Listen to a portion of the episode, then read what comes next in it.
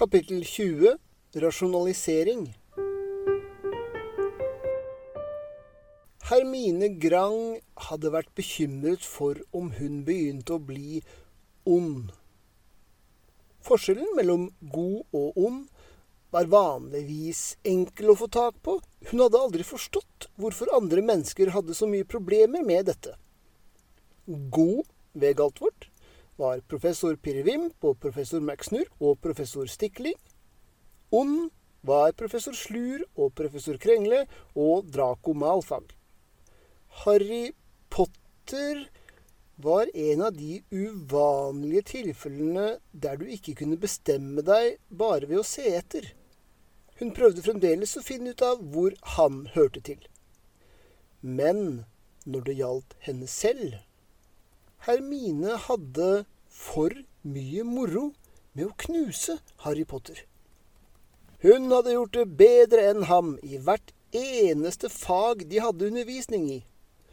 Unntatt soplimer, men det var omtrent som gymtimer og telte ikke. Hun hadde fått virkelige huspoeng omtrent hver dag i deres første uke. Ikke for merkelige heltegreier, men smarte ting, som å lære nye former kjapt og hjelpe andre elever.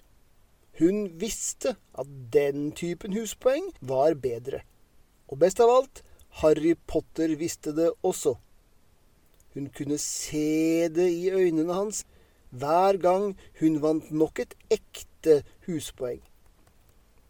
Hvis du var god, var det ikke meningen at du skulle like det å vinne så godt som dette.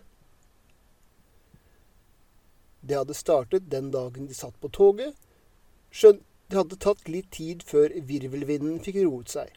Det var ikke før senere på kvelden at Hermine hadde begynt å innse akkurat hvor mye hun hadde latt den gutten overkjøre seg. Før hun hadde møtt Harry Potter, hadde hun ikke hatt noen andre hun hadde hatt lyst til å knuse. Hvis noen ikke gjorde det like bra som henne i timene, var det hennes jobb å hjelpe dem, ikke å gni det inn. Det var det det innebar å være god. Mens nå nå vant hun. Harry Potter vred seg hver gang hun fikk et nytt huspoeng, og det var så gøy. Foreldrene hennes hadde advart henne mot narkotika, og hun hadde en mistanke om at dette var mye morsommere enn det. Hun hadde alltid likt smilene som lærerne ga henne når hun gjorde noe rett. Hun hadde alltid likt å se de lange rekkene av sjekkmerker på en perfekt besvart prøve.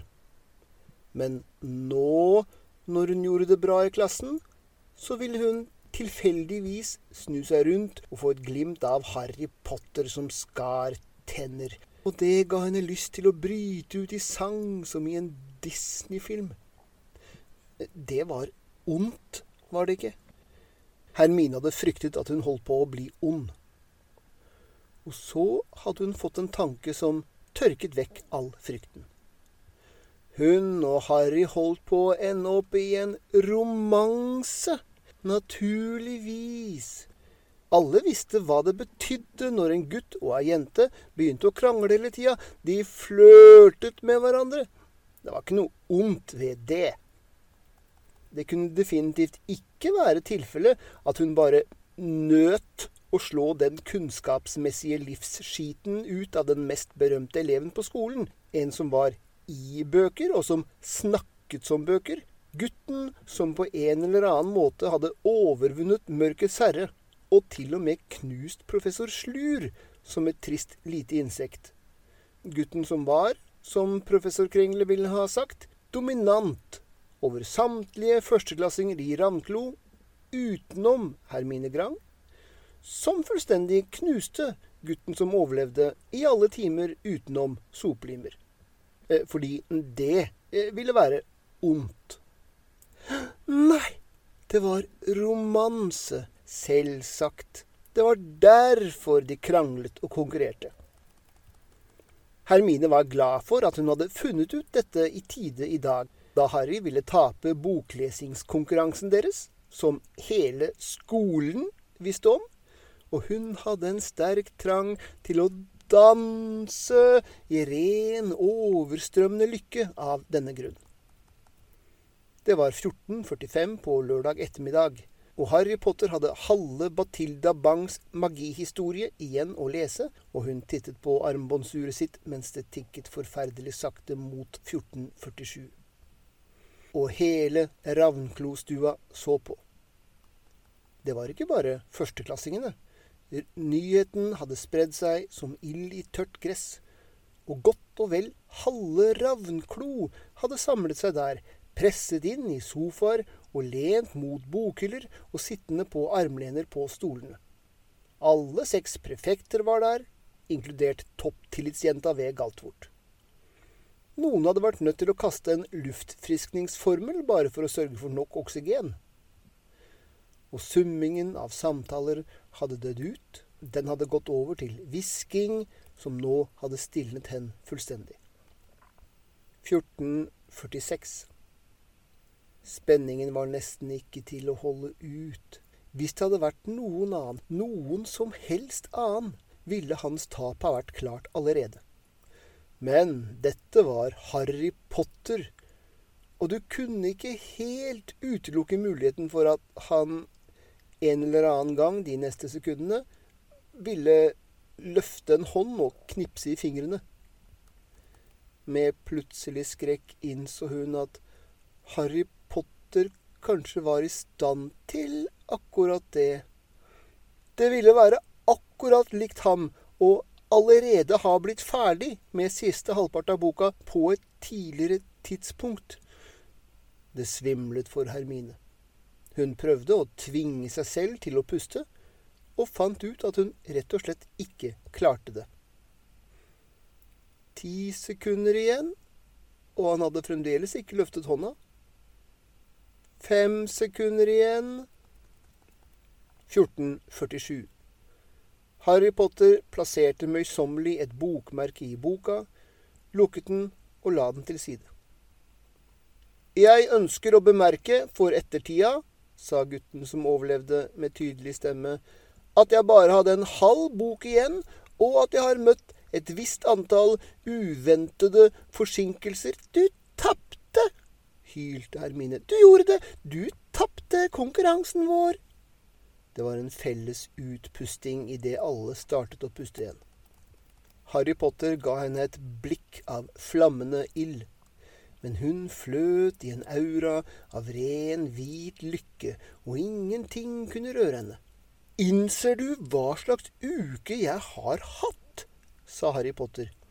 Et hvilket som helst mindre vesen ville ha hatt problemer med å lese åtte barnebøker. Du satt tidsgrensen. Harrys blikk av flammende ild ble enda hetere. Det var ikke mulig for meg å vite, logisk sett, at jeg måtte redde hele skolen fra professor Slur, eller å bli hjult opp i forsvarstimen. Og, og, og, hvis jeg fortalte deg hvordan jeg mistet all tida mellom klokka fem og middag på torsdag, ville du tro at jeg var gal. Nei, huff da. Det høres ut som om noen falt for planleggingsfeilen. Rent sjokk vistes på Harrys ansikt. Å, det minner meg på noe. Eh, jeg er ferdig med å lese den første stabelen av bøker du lånte meg, sa Hermine med sitt aller beste uskyldige blikk. Et par av dem hadde vært skikkelig vriene også. Hun lurte på hvor lang tid det hadde tatt ham å bli ferdig med dem. En dag, sa gutten som overlevde, når de fjerne etterkommerne av Homo sapiens ser tilbake i galaksens historie, og lurer på hvordan alt gikk så galt. Vil de konkludere med at det hele startet da noen lærte Hermine Grang å lese. Men du taper fremdeles, sa Hermine. Hun holdt en finger opp på haken og så ettertenksom ut. Nå, jeg lurer på nøyaktig hva du har tapt. Hva? Du tapte veddemålet, forklarte Hermine så du må betale en innsats. Jeg husker ikke at jeg gikk med på noe sånt. Virkelig? sa Hermine Grang. Hun plasserte et tankefullt uttrykk på ansiktet. Så, som om hun nettopp kom på det, da tar vi en avstemning. Alle i Ravnklo som synes at Harry Potter må betale, løfter en hånd. Hva? skrek Harry Potter igjen. Han spant rundt og så at han nå var omgitt av et hav med armer som reiste seg i været. Og hvis Harry Potter hadde sett nøyere etter, ville han ha lagt merke til at fryktelig mange av tilskuerne var jenter, og at praktisk talt samtlige hunnkjønn i rommet hadde hånda løftet. Stopp! klaget Harry Potter. Dere vet ikke hva hun kommer til å spørre om. Innser dere ikke hva hun gjør? Hun kommer til å få dere til å binde dere på forhånd, og så vil konformitetspresset få dere til å være enige med hva det nå enn er hun sier etterpå. Slapp av, sa prefekten Pernille Klarvang. Hvis hun spør om noe som er urimelig, så kan vi ombestemme oss. Ikke sant, alle sammen? Og det kom ivrige nikk fra alle jentene som Pernille Klarvang på forhånd hadde fortalt om Hermines plan.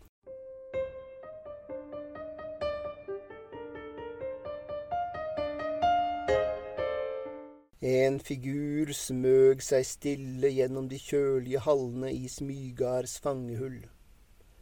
Han var ment å være til stede i et visst rom klokka seks på ettermiddagen for å møte en viss noen, og hvis det i det hele tatt var mulig å være tidlig ute, ønsket han å være det for å vise respekt.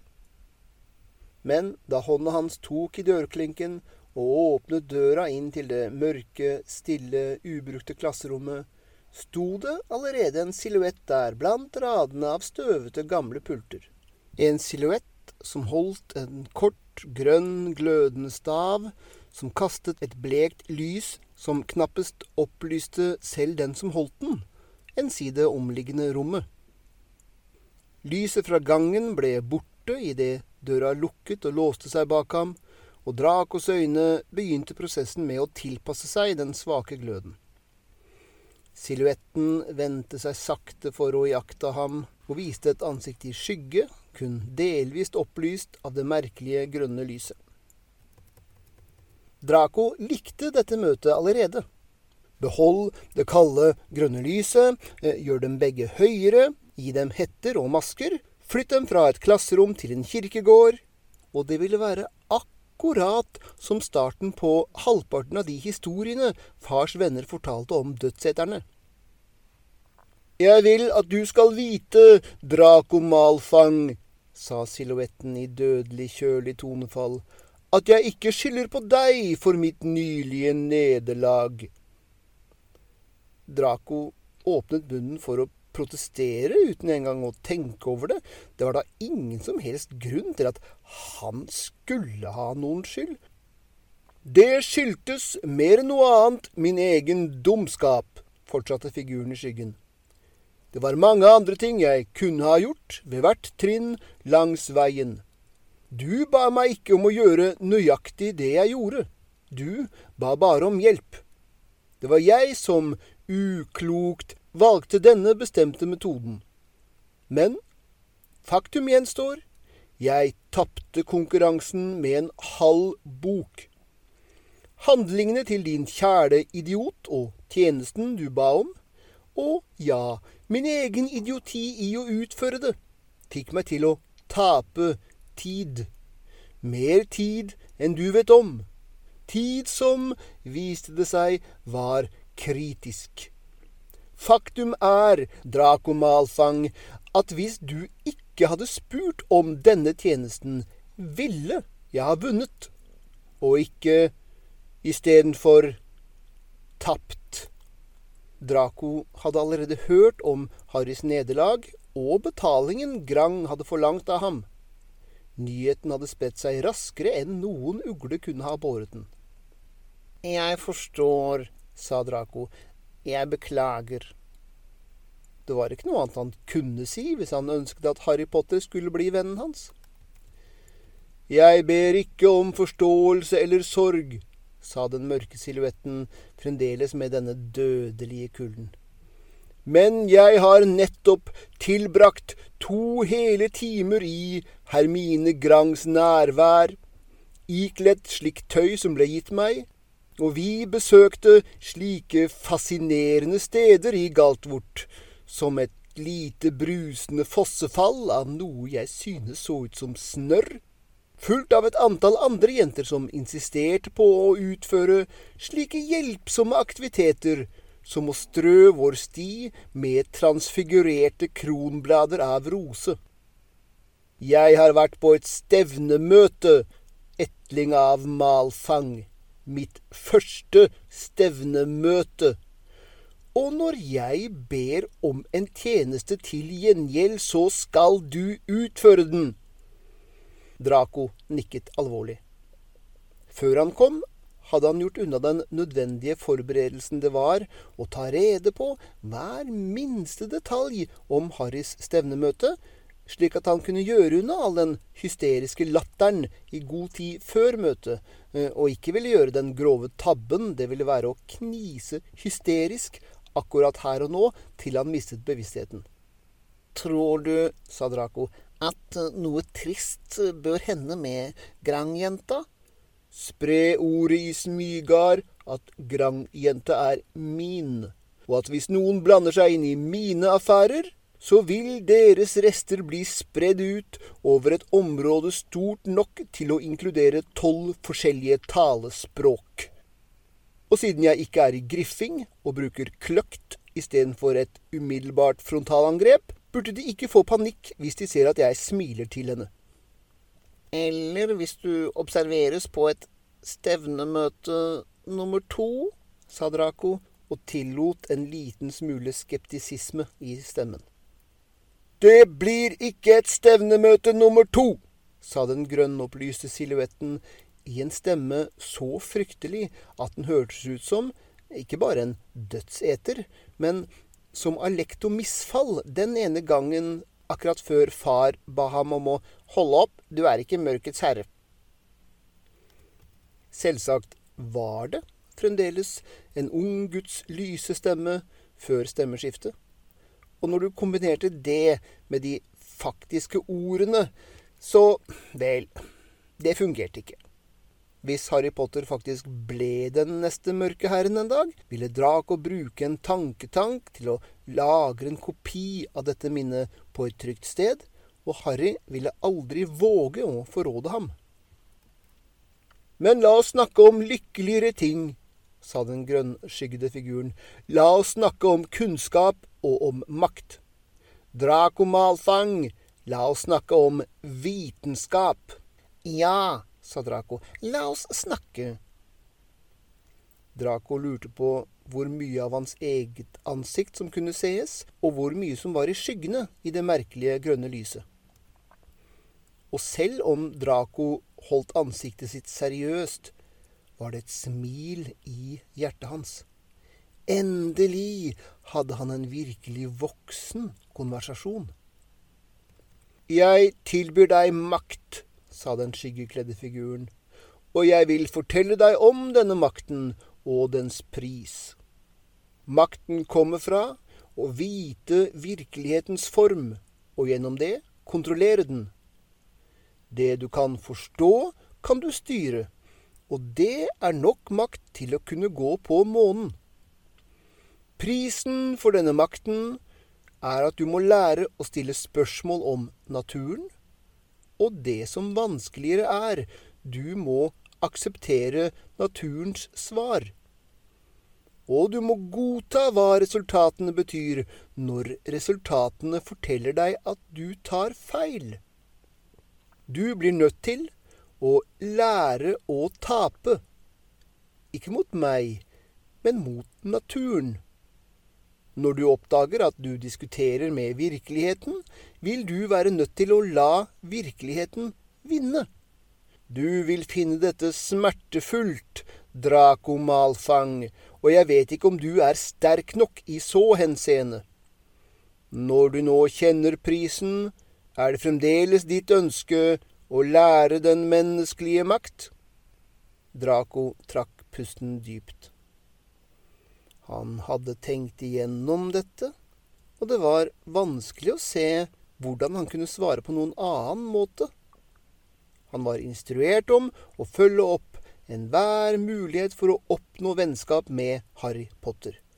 Dette var bare å lære. Dette innebar ikke at han lovet å gjøre noe, han kunne alltids stoppe timene når som helst. Det var definitivt en hel del ting ved denne situasjonen som fikk det til å virke som en felle. Men ærlig talt, Draco kunne ikke se hvordan dette kunne gå galt. Pluss at Draco faktisk kunne ha ganske god lyst til å herske over verden. Ja, sa Draco. Ypperlig, sa figuren i skyggene. Eh, jeg har hatt en ganske travel uke, og det vil ta litt tid å sette sammen fagplanen din. Jeg har en god del ting jeg må gjøre selv for å konsolidere min posisjon i Smygar, sa Draco. For ikke å snakke om lekser. Kanskje vi bare skulle starte i oktober? Høres fornuftig ut, sa skyggen i kappen. Men det jeg mente å si, er at for å kunne sette sammen fagplanen din, må jeg vite hva jeg skal lære deg. Der har jeg tre ideer.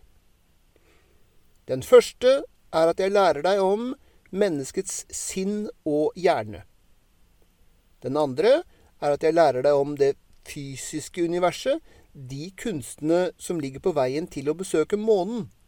Dette inneholder en god del tall, men for visse typer hoder er disse tallene vakrere enn noe annet vitenskap kan lære bort. Liker du tall, Draco? Draco ristet på hodet. Da bortfaller den. Du vil lære matematikk etter hvert, men ikke fra starten av, tror jeg. Den tredje ideen er at jeg lærer deg om genetikk og evolusjon og arv, det du ville kalle blod, er den, sa Draco. Figuren nikket. Jeg tenkte meg at du ville si noe slikt, men jeg tror at dette vil være den mest smertefulle veien for deg, Draco. Hva hvis din familie og dine venner, blodpuristene, sier én ting, og du finner ut at de eksperimentelle testene sier en annen? Da vil jeg finne ut hvordan jeg kan få de eksperimentelle testene til å gi riktig svar. Det var en liten pause mens den skyggelagte figuren sto der med munnen åpen en kort stund. Ehm, sa figuren. Det er ikke akkurat sånn det fungerer. Det var det jeg forsøkte å advare deg om, Draco. Du kan ikke få svaret til å bli slik du vil at det skal bli. Du kan alltid få svaret til å bli slik du vil det skal bli, sa Draco.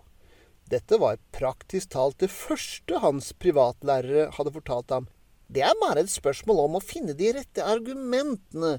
Nei, sa skyggene med en stemme som økte i frustrasjon. Nei, nei, nei, nei! Da får du feil svar, og du kommer deg ikke til månen på den måten. Naturen er ikke en person. Du kan ikke lure den til å tro på noe annet. Hvis du forsøker å si at månen er laget av ost, så kan du argumentere så mye du vil, men det kommer ikke til å endre månen. Det du snakker om, er rasjonalisering, som å starte med et papirark, gå rett ned til nederste linje og skrive ned 'Og derfor er månen laget av ost'. Og så eh, bevege deg oppover og skrive en mengde smarte argumenter. Men enten er månen laget av ost, eller så er den ikke det. Det øyeblikket du skrev nederste linje, var svaret allerede riktig, eller allerede feil. Hvorvidt hele arket ender opp med riktig konklusjon eller feil konklusjon, er avgjort idet du skriver den nederste linjen. Hvis du prøver å velge mellom to dyre kofferter, og du liker den skinnende, så spiller det ingen rolle hva slags smarte argumenter du finner på for å kjøpe den. Den virkelige regelen du brukte for å velge hvilken koffert du skulle argumentere for, var velg den skinnende. Og uansett hvor effektiv den regelen måtte være for å velge en god koffert, så er det den typen koffert du kommer til å få. Rasjonalitet kan ikke brukes for å argumentere for en bestemt side. Den kan bare brukes for å bestemme hvilken side du skal argumentere for.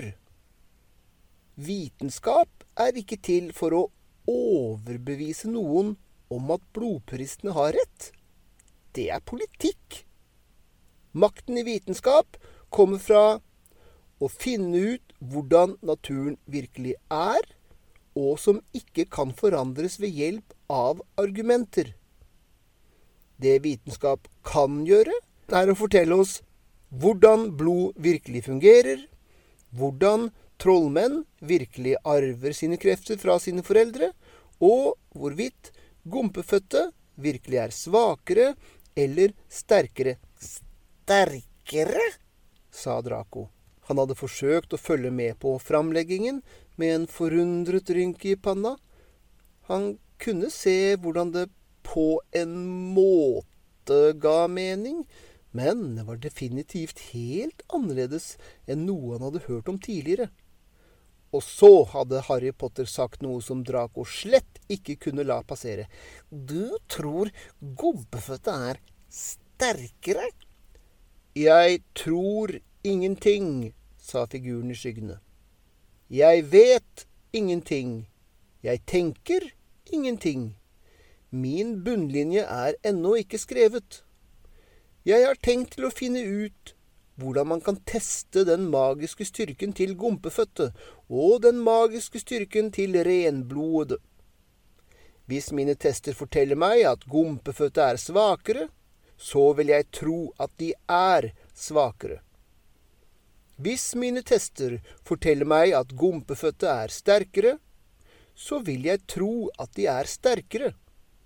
Ved å vite disse og andre sannheter vil jeg få en viss andel makt. Og du forventer at jeg skal tro på det, uansett hva du sier? spurte Draco hett. Jeg forventer at du skal gjennomføre testene personlig, sa den skyggelagte figuren stille. Er du redd for hva du vil kunne komme til å finne? Draco stirret på skyggen en stund med smale øyne. Fin felle, Harry, sa han. Den må jeg huske, den var ny for meg. Skyggefiguren ristet på hodet. Det er ikke en felle, Draco. Husk, jeg vet ikke hva vi kommer til å finne ut. Men du kan ikke forstå universet ved å diskutere med det, eller å be det om å komme tilbake med et annet svar neste gang.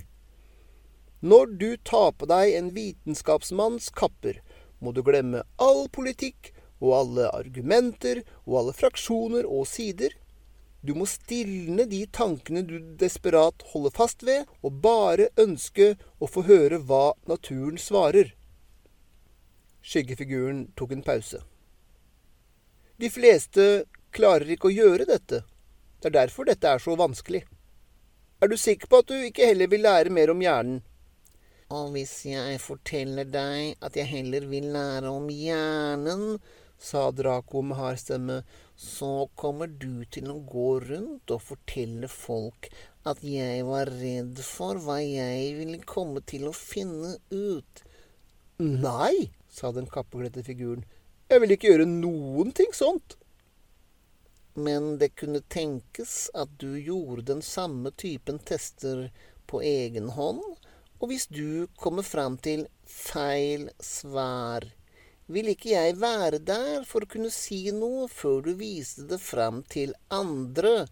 Dracos stemme var fremdeles hard. Jeg ville fremdeles spørre deg først, Draco, sa figuren stille. Draco stoppet opp. Han hadde ikke forventet det. Han trodde han hadde oppdaget fellen, men du ville virkelig det? Selvsagt. Hvordan skulle jeg vite hvem vi kunne presse ut, eller hva vi kunne be dem om? Draco, jeg sier igjen at dette ikke er en felle jeg setter for deg. I det minste ikke for deg personlig. Hvis din politiske mening var annerledes, ville jeg sagt hva hvis testene viser at de renblodede er sterkere? Virkelig. Ja, dette er prisen alle må betale for å bli en vitenskapsmann. Draco løftet hånda og ba om en pause. Figuren i skygger, opplyst av grønt lys, ventet. Men det tok ikke så veldig lang tid å tenke igjennom det. Hvis du bare så bort fra alle de forvirrende delene, så planla Harry Potter å rote rundt i noe som kunne forårsake en gigantisk politisk eksplosjon, og det ville være galskap å bare gå sin vei og la ham gjøre det på egen hånd. Vi studerer blod, sa Draco. Ypperlig, sa figuren og smilte. Gratulerer med å være villig til å stille spørsmålet. Takk, sa Draco og klarte ikke helt å holde ironien borte fra stemmen. Øy, trodde du det ville være enkelt å reise til månen? Vær glad for at dette bare involverer at du må endre tankegang en gang iblant, og ikke et menneskelig offer. Menneskelig offer vil da være så mye lettere. En kort pause, og så nikket figuren. Godt poeng. Hør her, Harry, sa Draco uten mye håp. Jeg trodde ideen var å ta alle ting som gomper vet, og kombinere dem med ting som trollmenn vet, og bli herskere over begge verdener.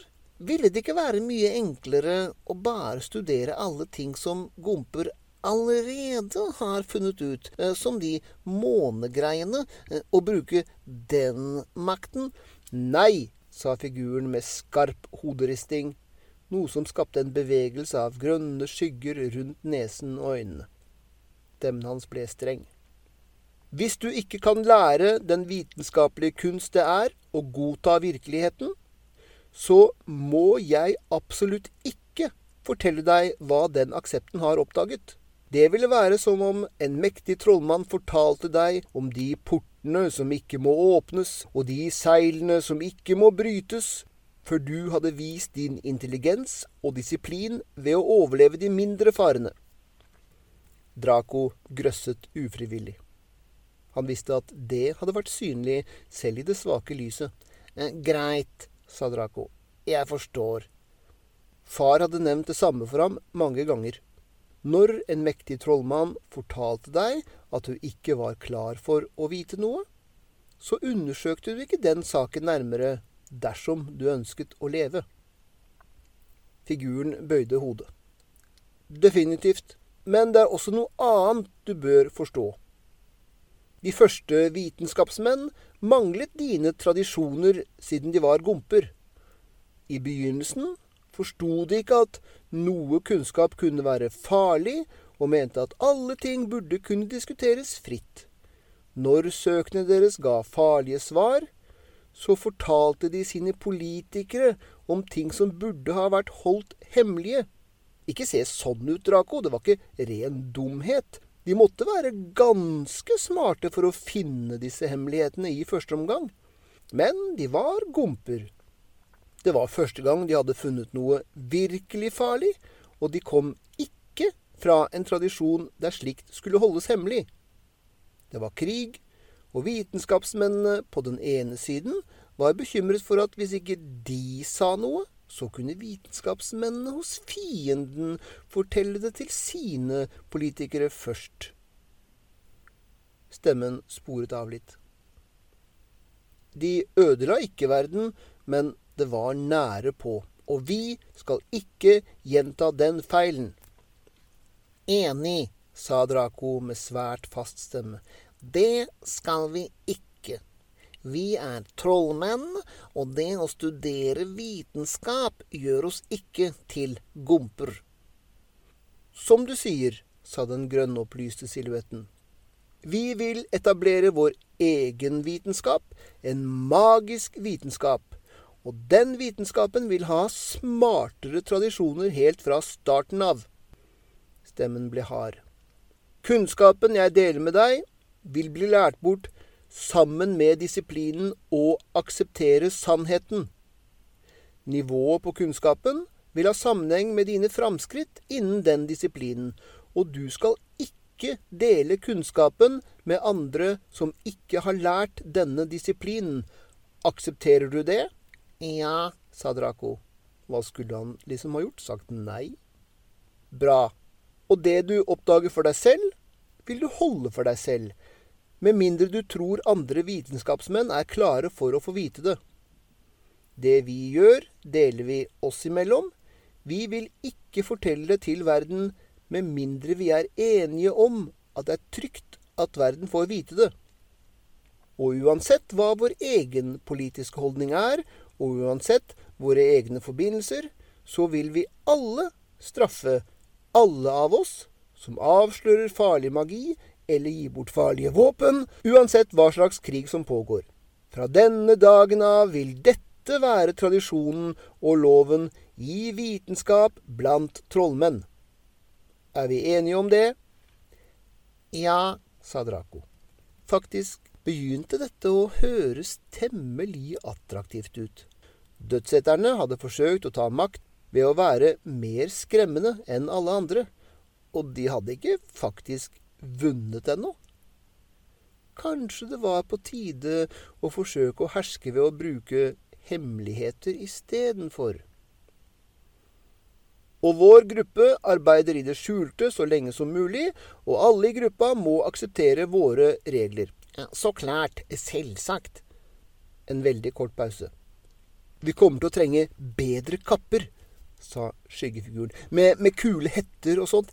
Jeg tenkte akkurat det samme, sa Draco. Vi trenger ikke hele kappesett, da. Bare overkapper. Jeg har en venn i Smygard. Hun kan ta målene dine. Ikke fortell henne hva det skal brukes til, da. Jeg er ikke dum. Og ingen masker foreløpig, ikke når det bare er deg og meg, sa skyggefiguren. Enig, men senere burde vi ha en eller annen form for bestemt merke som alle våre tjenere må bære vitenskapens merke, som for eksempel en slange som spiser månen, avbildet på høyre arm. Det kalles en doktorgrad, og ville ikke det gjøre det altfor lett å identifisere våre folk? Hæ? Jeg mener, hva hvis noen bare Ok, alle bretter opp høyre kutteerme, og vår fyr bare Oi sann, beklager, ser ut som om jeg er en spion, gitt. Glem at jeg sa noe, sa Draco, som plutselig svettet over absolutt hele kroppen.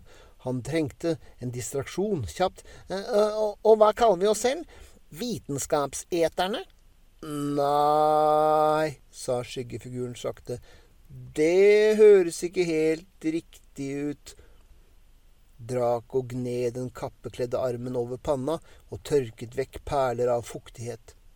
Hva hadde Mørkets herre tenkt på med det merket? Far hadde sagt at Mørkets herre var smart. Jeg har det, sa skyggefiguren plutselig. Du kommer ikke til å forstå det ennå, men stol på meg, det passer.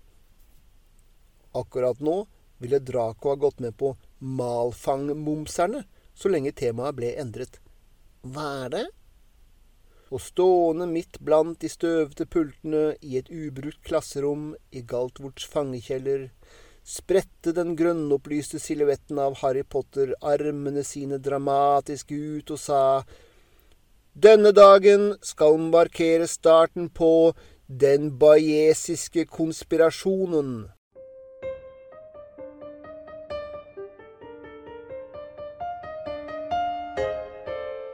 En figur ruslet sliten og stille gjennom Galtvorts ganger i retning Ravnklo.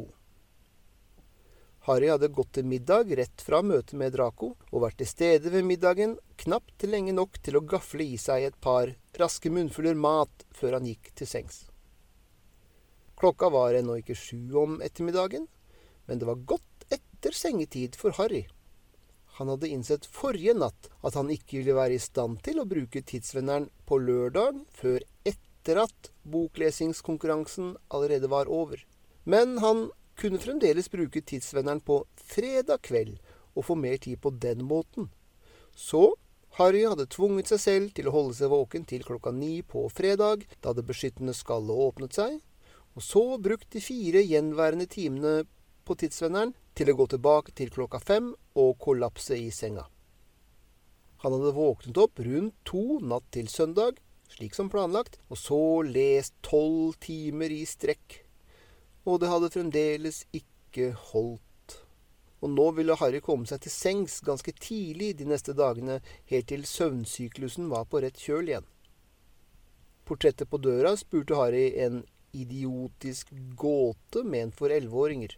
Han besvarte den helt uten at ordene passerte innom bevisstheten hans, og så stavret han seg opp til dørene til sovesalen, skiftet til pysj og datt over ende i senga.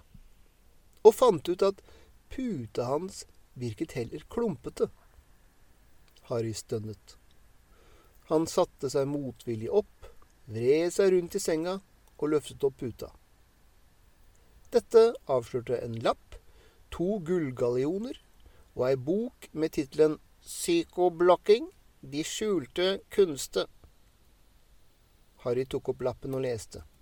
Ei, ei, ei, du vet jaggu hvordan du skal havne i bråk, og raskt også. Faren din var ingenting mot deg. Du har fått deg en mektig fiende. Slur har lojaliteten til hele Smygard. Han både beundres og fryktes. Du kan fra nå av ikke stole på noen i det huset, enten de kommer til deg tilsynelatende redde eller vennlige. Fra nå av må du ikke møte Slurs øyne. Han er en psykomantiker og kan lese tankene dine hvis du gjør det. Jeg har lagt ved ei bok som kan hjelpe deg med å beskytte deg selv, skjønt det er begrenset hvor langt du kommer uten en lærer. Allikevel kan du i det minste håpe på å oppdage eventuelle inntrengere. Slik at du skal finne litt ekstra tid til å studere psykoblokking, har jeg lagt ved to gallioner, som er prisen for svararkene og ferdige hjemlekser for historietimer for første klasse. Professor Kiste har gitt de samme prøvene og oppgavene hvert år siden han døde. Dine nye venner, Wiltersen-tvillingene, bør kunne selge deg en kopi. Og vi trenger ikke engang nevne at du ikke må bli tatt med disse arkene på deg. Om professor Krengle vet jeg lite. Han er smygarding og forsvarsprofessor, og de to tingene taler mot ham. Vurder nøye alle råd han gir deg, og ikke fortell ham noe du ikke ønsker at blir kjent. Humlesnurr later bare som om han er sinnssvak. Han er ekstremt intelligent, og hvis du fortsetter å gå inn i skap og forsvinne, vil han definitivt trekke den slutningen at du har en usynlighetskappe. Hvis han ikke alt har gjort det. Unngå ham så ofte du kan. Gjem usynlighetskappen på et trygt sted, ikke i pungen din, de gangene du ikke kan unngå ham, og trå varlig i hans nærhet. Forsøk å være mer forsiktig i framtida, Harry Potter. Harry stirret på lappen. Rådene virket som om de var ganske gode. Selvsagt hadde ikke Harry tenkt å jukse i historietimene om de så skulle utnevne en død ape som lærer. Men Severus psykomantikk Hvem det nå var som hadde sendt denne lappen, visste en rekke viktige, hemmelige ting, og var villig til å fortelle dem til Harry. Lappen advarte fremdeles mot at Humlesnurr ville stjele kappen, men nå visste Harry ærlig talt ikke lenger om det var et dårlig tegn. Det kunne like gjerne være en forståelig feiltagelse.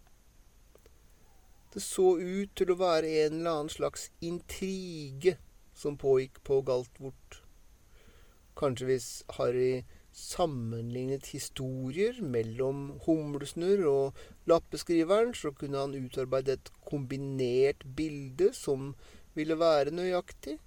Som at hvis begge var enige om noe, så Samme kunne det forresten være. Harry dyttet alt sammen inn i pungen sin og skrudde opp lydløseren og trakk dyna over hodet og døde.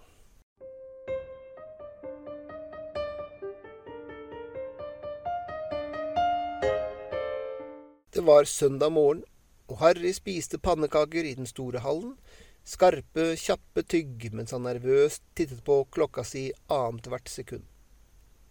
Klokka var 08.02, og om nøyaktig to timer og ett minutt ville det være nøyaktig én uke siden han hadde sett Wiltersen-familien og krysset over til plattform ni og tre kvart. Og så hadde tanken slått ham Harry visste ikke om dette var en gyldig måte å tenke på universet på. Han visste egentlig ingenting mer, men det virket mulig at han hadde ikke kommet borti tilstrekkelig med interessante ting den foregående uka. Da han var ferdig med å spise frokost, planla Harry å gå rett opp på rommet og gjemme seg i kjelleren i kofferten og ikke snakke med noen før klokka var 10.03. Og det var da Harry så Wiltersen-tvillingene komme mot seg. En av dem bar noe, skjult bak ryggen. Han burde skrike og løpe av gårde. Han burde skrike og løpe av gårde, hva nå enn dette var. Det kunne definitivt gjerne være den store finalen. Han burde virkelig bare skrike og løpe av gårde.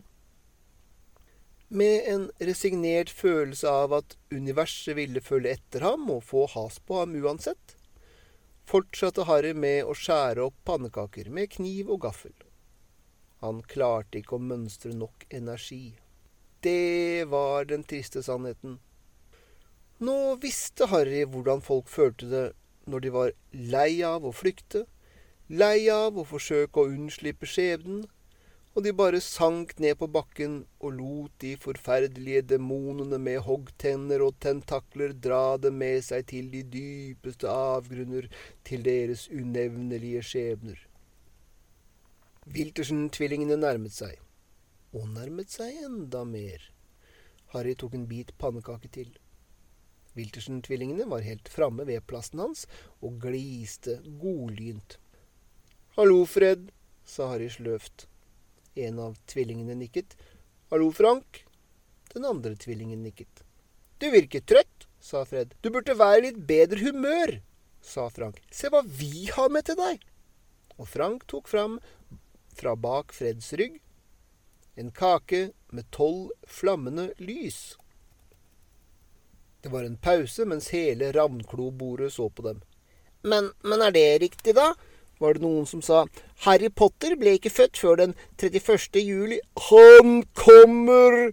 sa en voldsom, hul stemme som skar gjennom all konversasjon som et sverd av is. Den ene som vil rive i stykker selve Humlesnurr hadde stupt ut av tronen sin, spurtet rett mot lærebordet, grepet tak i kvinnen som framsa disse forferdelige ordene. Vulkan hadde kommet til syne i et lysglimt, og så var alle tre borte i et smell av ild.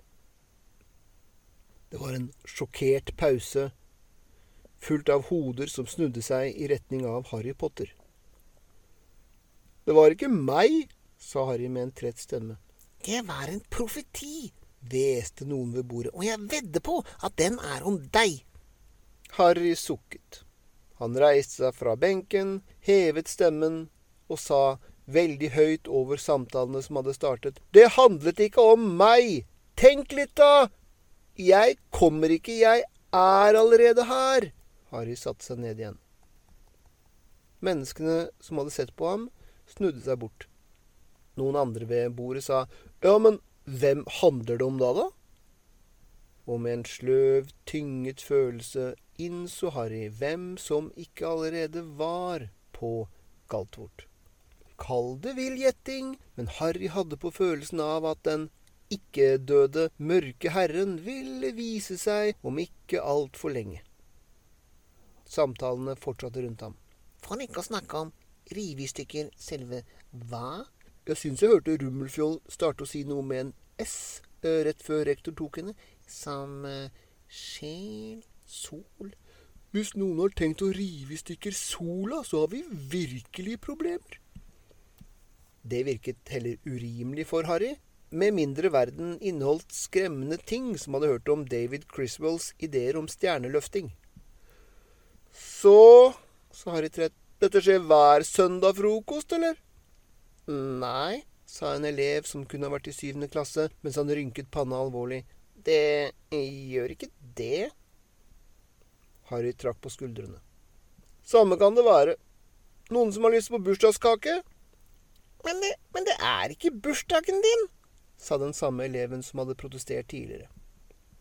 Det var signalet for at Fred og Frank skulle begynne å le, selvsagt. Selv Harry klarte å få fram et slitent smil. Mens det første stykket ble servert ham, sa Harry, Jeg har hatt en virkelig lang uke.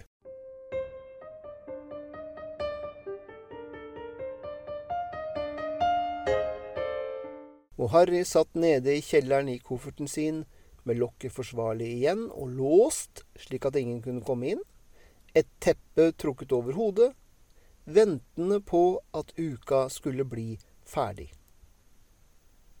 10.01 10.02 10.03 Men bare for å være på den sikre siden 10.04, og den første uka var ferdig. Harry trakk et lettelsens sukk og trakk ivrig teppet vekk fra hodet. Et øyeblikk senere hadde han kommet ut i sovesalen, som nå var klar og opplyst av sola. Enda et øyeblikk, og han var i ravnklostua. Et par mennesker så på ham, men ingen sa noe eller forsøkte å snakke med ham. Harry fant en fin, bred skrivepult, trakk ut en komfortabel stol og satte seg ned. Fra pungen sin trakk han fram papir og blyant. Mor og far hadde sagt til Harry, på en måte som ikke var til å misforstå, at selv om de forsto hans entusiasme for å forlate hjemmet og komme seg vekk fra foreldrene, så skulle han skrive til dem hver eneste uke uten unntak, slik at de kunne få vite at han levde, var uskadet og ikke satt i fengsel.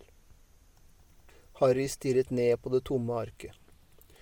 La meg se Etter at han forlot foreldrene på jernbanestasjonen, hadde han blitt kjent med en gutt som var oppdratt av Darth Vader, blitt venner med de tre mest beryktede spilloppmakerne på Galtvort, møtt Hermine, men så hadde det vært hendelsen med valghatten, Mandag hadde han fått en tidsmaskin for å hanskes med søvnproblemet sitt, mottatt en legendarisk usynlighetskappe fra en ukjent velgjører, reddet syv håsblåsinger ved å gå opp mot fem skremmende eldre gutter, der en av dem hadde truet med å brekke fingeren hans. Han hadde innsett at han hadde en mysteriøs, mørk side, lært seg å kaste fryserio i formelklassen, og startet rivaliseringen med Hermine tirsdag hadde introdusert astronomi ved professor Aurora Skummel, som var hyggelig, og magihistorie, der læreren var et spøkelse som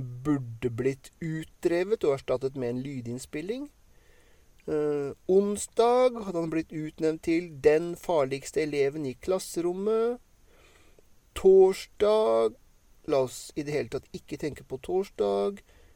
Fredag hendelsen i eliksirtimen, etterfulgt av utpressingen av rektor, etterfulgt av at forsvarsprofessoren fikk ham banket opp i timen, etterfulgt av at forsvarsprofessoren viste seg å være det mest ærefryktinngytende mennesket som fremdeles satte sine bein på jorda. Eh, lørdag hadde han tapt et veddemål og gått på sitt første stevnemøte, og startet med å omvende Draco.